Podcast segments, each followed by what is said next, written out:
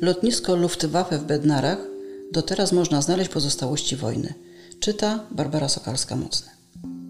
Pod koniec 1939 roku na terenie przedwojennego województwa poznańskiego oraz części województw łódzkiego, pomorskiego i warszawskiego hitlerowcy utworzyli okręg III Rzeszy w postaci kraju Warty, gdzie bezwzględnymi decyzjami politycznymi usiłowali sprawić, by na przestrzeni kilkudziesięciu lat całkowicie wyniszczyć Polaków. Do Warteland napływała skuszona wizjami lepszego życia pokaźna liczba etnicznych Niemców z Wołynia czy Rumunii. Wielu mieszkańców pochodzenia nieniemieckiego zostało tu zabitych bądź stąd wysiedlonych, natomiast przedziały żywnościowe dla Polaków były wręcz głodowe. Wynosiły plus minus 50% zapotrzebowania energetycznego niezbędnego osobie pracującej. To zaledwie kilka spośród wielu stosowanych przez nazistów metod. Oprócz wyniszczania społeczeństwa z podbitych terenów, Niemcy dużą wagę przykładali do poprawiania infrastruktury. Jednym z owoców tych działań była właśnie rozbudowa lotniska w Bednarach, które wtedy nosiło nazwę Tondorf. Do rozbudowy lotniska operacyjnego Einsatzhafen we wsi Bednary przystąpiono w 1940 roku. Prace ukierunkowane na poprawę jego warunków trwały do 1944 roku, co wskazuje jednoznacznie, że zakres prowadzonych działań był szeroki. Niemcy tworzyli lotnisko na bazie lotniska polskiego z okresu międzywojennego. W samej miejscowości rękoma robotników przymusowych z różnych państw postawili kilka drewnianych budynków: warsztaty, domek pilotów, kantynę czy magazyn. Rozmaite funkcje pełniły obiekty zlokalizowane w okolicy. Przykład to drewniany kościół we Wrączynie, który przekształcono na magazyn sprzętu lotniczego. We wsiach przyległych do Bednar znajdowały się placówki wartownicze. Na obrzeżach kompleksu leśnego zbudowano sieć betonowych dróg umożliwiających rozśrodkowanie samolotów oraz utworzono składowisko amunicji lotniczej. Powstało ono w rejonie dzisiejszego działu leśnego 196 przy drodze z Bednar do Dąbrówki Kościelnej. Ślady po tym wojennym składowisku nazywane są przez miejscową ludność bombowiskiem.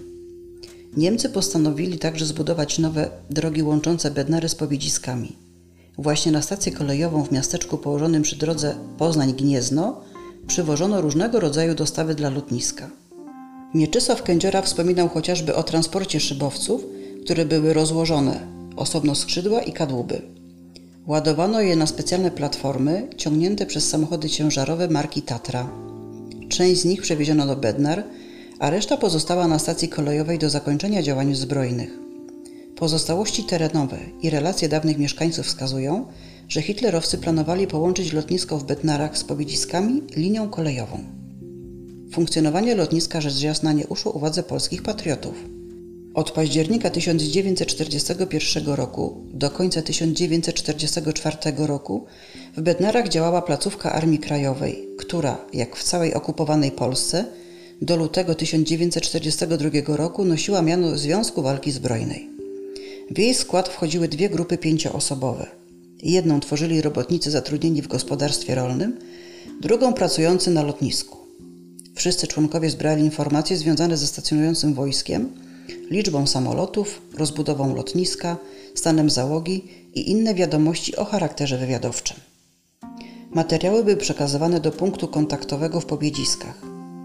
Członek Związku Walki Zbrojnej, później Armii Krajowej w Bednarach, Władysław Osiński przywoził prasę podziemną na lotnisko. Kierownikiem opisywanej placówki najpierw był obuwnik Nikodem Pałasik, później zastąpił go nauczyciel Zygmunt Sroka. Warto dodać, że w sąsiedztwie niemieckiej infrastruktury lotniczej mieszkała ludność cywilna. Niektóre zabudowania istnieją do teraz, inne natomiast giną pośród okolicznych lasów, łąk czy pól. Przykłady takich ginących zabudowań to Suchy Bór w oddziale leśnym 196 na polanie przy drodze Bednary Dąbrówka Kościelna oraz ruiny gospodarstwa, które można znaleźć około 300 metrów na południe od wsi Stęszewice. Na tym podpoznańskim lotnisku od czerwca 1941 roku do stycznia 1942 roku stacjonowała eskadra szkoleniowa Jagdgeschwader 51, eksploatująca myśliwce Messerschmitt Bf 109E. Piloci JG-51 podczas największego konfliktu w dziejach działali na istotnych scenach wojennych. Wyróżniali się wyborną skutecznością, niszcząc wiele samolotów wroga. Funkcję dowódcy rzeczonego pułku pełnił m.in. Werner Mülders.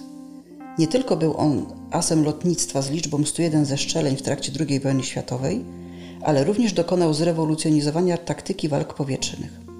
Co ciekawe, Göring i Hitler, widząc niebagatelne niebezpieczeństwo propagandowe w przypadku śmierci tego młodego pilota, zakazali mu lotów bojowych i oddelegowali na bezpieczniejsze stanowisko. Krótko potem Mülders zginął niedaleko Wrocławia, lecąc na pogrzeb generała Ernsta Udeta do Berlina, gdzie miał pełnić wartę honorową. W 1944 roku na lotnisku ulokowanym w małej wsi koło Popiedzisk stacjonowały z kolei eskadry Transport Geschwader 5. Dysponowały one największymi samolotami, jakie były użytkowane podczas II wojny Messerschmittami ME-323 Gigant. Jeden z takich samolotów, określanych niejednokrotnie potocznym mianem latających stodół, rozbił się zaledwie kilka kilometrów po wylocie z Bednar w pobliżu wsi Skorzęcin koło Karłowic. Zginęło 16 żołnierzy, trzech zostało rannych.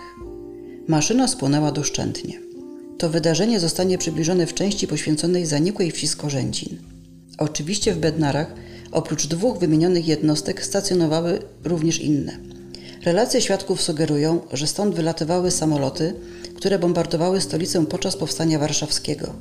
Ustalenia autora podważają te doniesienia. Były to maszyny Eskadr Kampfgeschwader 55.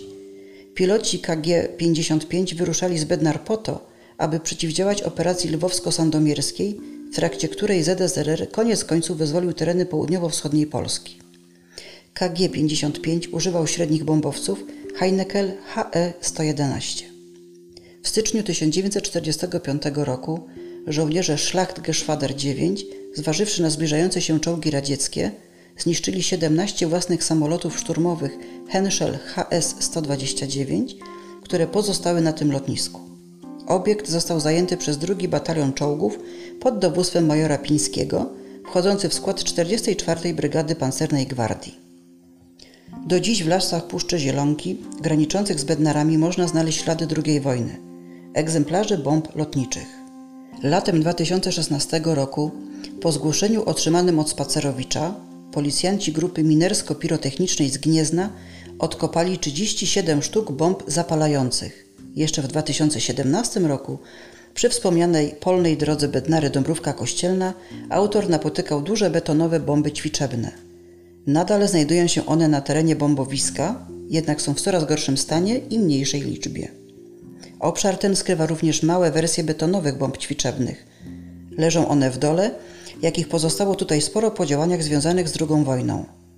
Na sześć dużych i kilkanaście małych Übungsbomben można także natrafić w Dąbrówce Kościelnej blisko Głazu, który upamiętnia zamordowanego w Katyniu porucznika rezerwy Władysława Żaka oraz groty milenijnej. Zachowały się one zdecydowanie lepiej. Duże bomby otaczają tam miejsce wypoczynku, a małe stanowią podstawę ławek.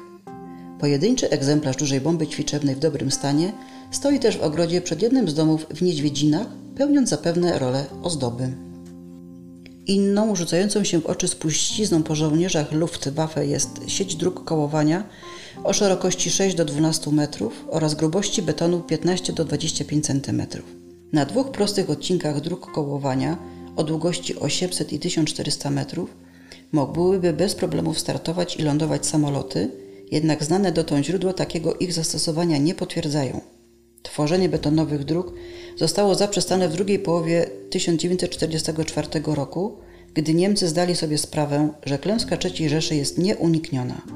Jeden z hitlerowców, którzy pilnowali pracujących przy budowie polskich robotników przymusowych, miał w tamtym czasie powiedzieć: Przykładajcie się do pracy, bo to wy będziecie po tym jeździć. Na polu blisko traktu bednarskiego do dziś można odnaleźć nieukończony, całkowicie zarośnięty fragment betonowej drogi kołowania. Podążając w kierunku Zielonki, kilkaset metrów dalej w lesie znajduje się sześć betonowych słupów. Według opowiadań pełniły one rolę podstaw wieży obserwacyjnej bądź pojemników do wody, która była niezbędna do budowy betonowych dróg. W okresie PRL na lotnisku w Bednarach stacjonowali zazwyczaj okresowo żołnierze polscy. Wówczas powstał utwardzony pas startowy, a także kilka elementów infrastruktury lotniczej. Przemiany społeczno-gospodarcze spowodowały spadek intensywności szkolenia bojowego, co zapoczątkowało okres cywilnej eksploatacji lotniska. Po wojnie niekiedy dochodziło do katastrof z udziałem maszyn wylatujących z Bednar. Chociażby latem 1968 roku, kiedy śmierć poniósł Henryk Niewiadomski. Pilot ten podczas ćwiczeń uderzył tuż po starcie w ścianę lasu samolotem szturmowym LIM-6 BIS. Przyczyną wypadku była awaria dopalacza silnika. Lotnisko w gminie Pobiedziska wizytowali prezydenci RP. W 2000 roku do utworzonego tutaj miasteczka światowego zlotu harcerzy zawitał Aleksander Kwaśniewski. 13 lat później Bronisław Komorowski odwiedził utworzone na terenie lotniska Centrum Doskonalenia Jazdy, należące do Sobiesława Zasady, niegdyś doskonałego kierowcy rajdowego, który od początku lat 90. notowany jest na listach najbogatszych Polaków. W rankingu Forbesa zajmuje on 64. miejsce z majątkiem szacowanym na 769 milionów złotych. Obecnie lotnisko w Bednarach znane jest przede wszystkim za sprawą imprezy rolniczej o zasięgu międzynarodowym AgroShow, którą rok rocznie odwiedza blisko 150 tysięcy osób. Wojenne losy znajdującego się 25 km od Poznania lotniska są nadzwyczaj interesujące. Jego mroczna przeszłość ulega mimo to stopniowemu zacieraniu dzień po dniu. Obecnie jedynie baczny obserwator z bagażem wiedzy historycznej zwróci uwagę na pozostałości działań Luftwaffe w rejonie Bednar, ponieważ nie są one oznakowane. Tutaj pojawia się częsty dylemat. Pamiętamy oraz sprawujemy opiekę nad miejscami związanymi z nazistami, by przerażające wydarzenia z okresu II wojny światowej nigdy się nie powtórzyły, czy też wymazujemy je z anałów historii? Odpowiedź na tak zadane pytanie jest niezwykle trudna i autor pozostawia tę kwestię do dyskusji czytelnikom.